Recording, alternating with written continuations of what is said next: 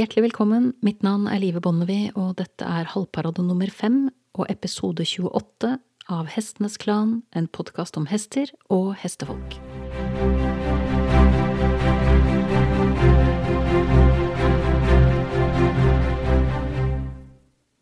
I dag har jeg bladd litt i bokhylla mi og funnet en bok som jeg har lyst til å si litt om.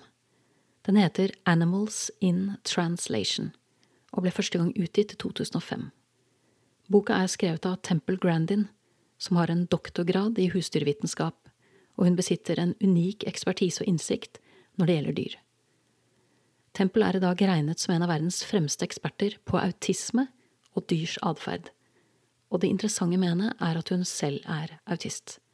Det betyr at hun har en diagnose fra naturens side som blant annet gjør det vanskelig for henne å generalisere og hun sliter også med å ta imot og prosessere visuelle og auditive inntrykk på samme måten som en ikke-autist ville gjort det. For eksempel, som ung så slet Temple Grandin med å klassifisere hunden som art, men hun landet til slutt på at hunden er et dyr av en viss størrelse, og ettersom de fleste hundene i nabolaget hennes var store hunder, omtrent på størrelse med hennes egen golden retriever, så slo hun seg til ro med at hun hadde full kontroll på hva en hund var. Men så var det en av naboene som kjøpte en dachs og da raknet hele konseptet hund med et brak. For hvordan kunne den langryggede lille rakkeren være en hund? Tempel knakk koden til slutt. Hun innså at naboens Dax hadde samme nese som hennes egen golden retriever. Og da innså hun at det alle hunder har til felles, det er at de har hundesnuter. Så hun har en helt annen måte å lese verden på. En måte som interessant nok ligner veldig på måten dyrene leser verden på og dette har gitt henne en helt unik inngang i arbeidet med å forstå husdyrene våre. Og det Temple Grandin kanskje er mest kjent for, det er at hun designet slakterier på en måte som gjør at storfe ikke trenger å være så redde når de ledes inn. Så kan man selvfølgelig innvende at det er mye bedre velferd om dyrene ikke slaktes i det hele tatt, men det er jo en helt annen diskusjon. Det interessante med Tempel, det er at hun fant en måte å utforme den siste vandringen til kuene, så de slapp å bli skremt, og heller ikke trengte å jages, slås eller stresses opp før de møtte sin bøddel.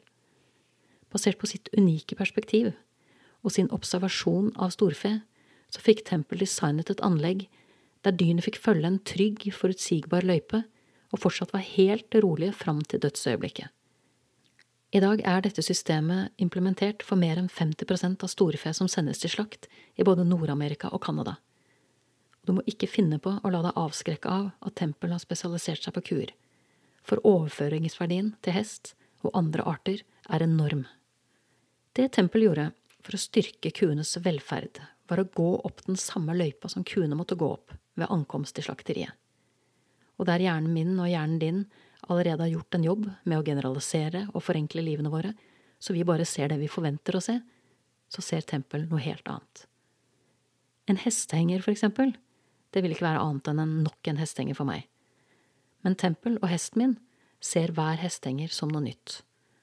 Så der jeg kan generalisere og se en lastelem, noen bommer og et høynett og er ferdig snakket, så ser tempelet hesten min brytninger mellom lys og skygge, et leietau som beveger seg, et potensielt brudd på forventninger i hver eneste kvadratcentimeter. Akkurat som en søppelkasse. En søppelkasse som du treffer på på en ridetur, det er et konsept som jeg har skjønt for lenge siden. Søppelkasser kan være store, de kan være små, de kan ha lokk, de kan være uten lokk, de kan være med søppel som tyter ut, uten søppel, de kan være laget av metall, de kan være laget av tre, men for hesten min så er hver enkelt søppelkasse en helt ny historie. Og den søppelkassen vi så da vi red opp en helt ny turvei, er en helt annen søppelkasse enn den vi ser når vi kommer hjem den samme turveien. For på vei ut så hesten den gjennom høyre øye fra nord og når vi rir hjem, ser han den gjennom venstre øye fra sør. Det er to helt forskjellige søppelkasser for en hest. Sånn er det bare. Både hester og kuer tar nemlig inn enorme mengder informasjon og detaljer som du og jeg går glipp av hele tiden. Og de er svært opptatt av detaljer av en grunn. Detaljer som endres, representerer et avvik, og ethvert avvik eller brudd på en rutine eller brudd på en forventning er forbundet med fare. Det er det øyeblikket, rett før du blir spist, at du får den følelsen. Så det er en grunn til at hester er litt touchy og uptight på dette området. Dyr har rett og slett en ekstrem persepsjon, og de sanser jo verden mye sterkere enn vi gjør. Som Anna Blake sa i min engelske søsterpodkast Clan of the Horses, vi er som blinde mus sammenlignet med dem. Og det er nettopp denne ekstreme persepsjonen som har gjort at vi ofte tillegger dyrene en sjette sans. Fordi de er supersensitive sammenlignet med oss, og dermed fanger opp ting som vi ikke er i nærheten av å sanse overhodet. Boka Animals in Translation tar for seg hvordan dyr oppfatter verden og deres følelsesliv. Det er også viet et eget kapittel til aggresjon hos dyr, hvor den kommer fra og hva som utløser den. Tempel skriver også innsiktsfullt om lidelse og smerte hos dyr, og trekker fram et veldig trivielt eksempel, men et viktig eksempel, og det er at man bestemmer seg for at man har lyst til å kjøpe hund. Og så går man inn på Finn, og så ser man på bilder av noen søte valper, og så plukker man den man syns er søtest. Og ikke et eneste øyeblikk så tenker man over om dette er en hund som trenger å gjøre en jobb som passer med den jobben jeg trenger at hunden gjør i mitt liv. Derfor er det eksempel fristende å kjøpe en svart og hvit liten border collie-valp, selv om du bor i sjette etasje i en blokk midt i Oslo. Du glemmer at den hunden må ha en jobb for å være lykkelig. Boka har også et eget kapittel om dyrs talenter, der Tempel med rette begrunner at de ikke bare er smartere enn vi tror, men at noen av dem faktisk også er å regne som genier. Det er svært interessant å lese hennes betraktninger om likhetene og ulikhetene mellom menneskenes og dyrenes hjerne. Vi ser verden svært ulikt på enkelte områder, men skreller man av topplokket i menneskehjernen, der frontallappene og de høyere kognitive funksjonene er plassert, så er menneskets hjerne skremmende lik dyrenes hjerne. Vi har med andre ord mer til felles enn det man kan få inntrykk av hvis man ikke ser bedre etter.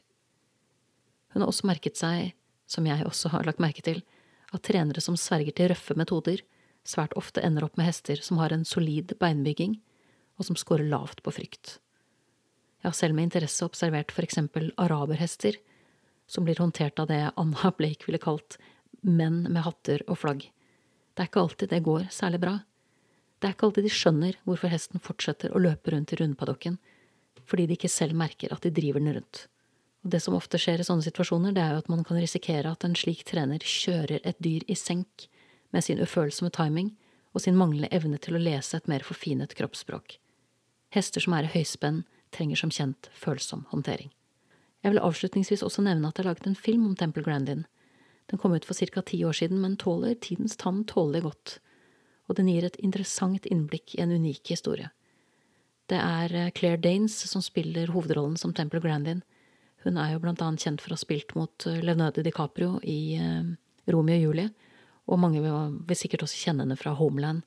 Virkelig, virkelig dyktig skuespiller, og hun klarer å å fange på en måte essensen, syns jeg, i det Temple Grandin står for, og den hun er. Så det er en veldig, veldig verdifull film å få med seg, egentlig. Så du finner både link til bok og til film på min hjemmeside. Og jeg anbefaler begge på det varmeste. Du har nettopp hørt Halvparade nummer fem og episode 28 av Hestenes Klan, en podkast om hester og hestefolk. Går alt etter planen, vil du i episode 29 få et gjenhør med veterinær, kiropraktor og hesteodontolog Ellen Schmedling. Vi kommer til å ta opp tråden der vi slapp sist, i episode 21.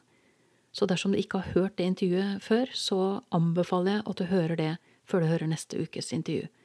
De er egentlig vevd ganske tett sammen, og jeg tror starten på vårt neste intervju blir litt spesiell hvis ikke du har forhistorien med deg for vi snakket jo om mer enn hestens tenner sist. Så da gjenstår det bare for meg å takke min faste komponist Fredrik Blom, og sist, men ikke minst, takk til deg, kjære lytter, for tålmodigheten. Måtte hesten for alltid være med deg.